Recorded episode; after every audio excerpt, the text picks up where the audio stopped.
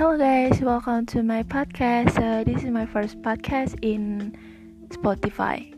So today I want to talk about my cat.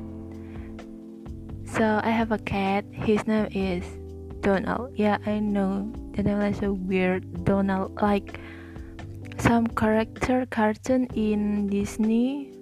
Donald Duck. Yeah, it's okay, but I like it.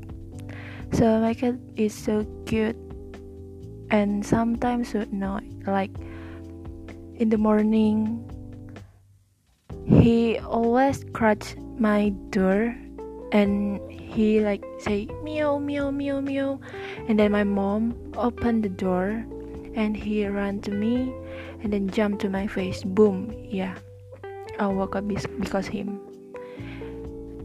But sometimes he's so cute like he come to me he need attention and he he was want me to care of him.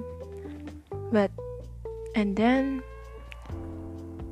he want snacking and then meow meow meow meow and I give him snacking. So he eat the snacking. He so love the snacking like I don't know what the name the brand but I don't want to tell you the brand but it's okay. He likes snacking actually. Okay, so thank you guys.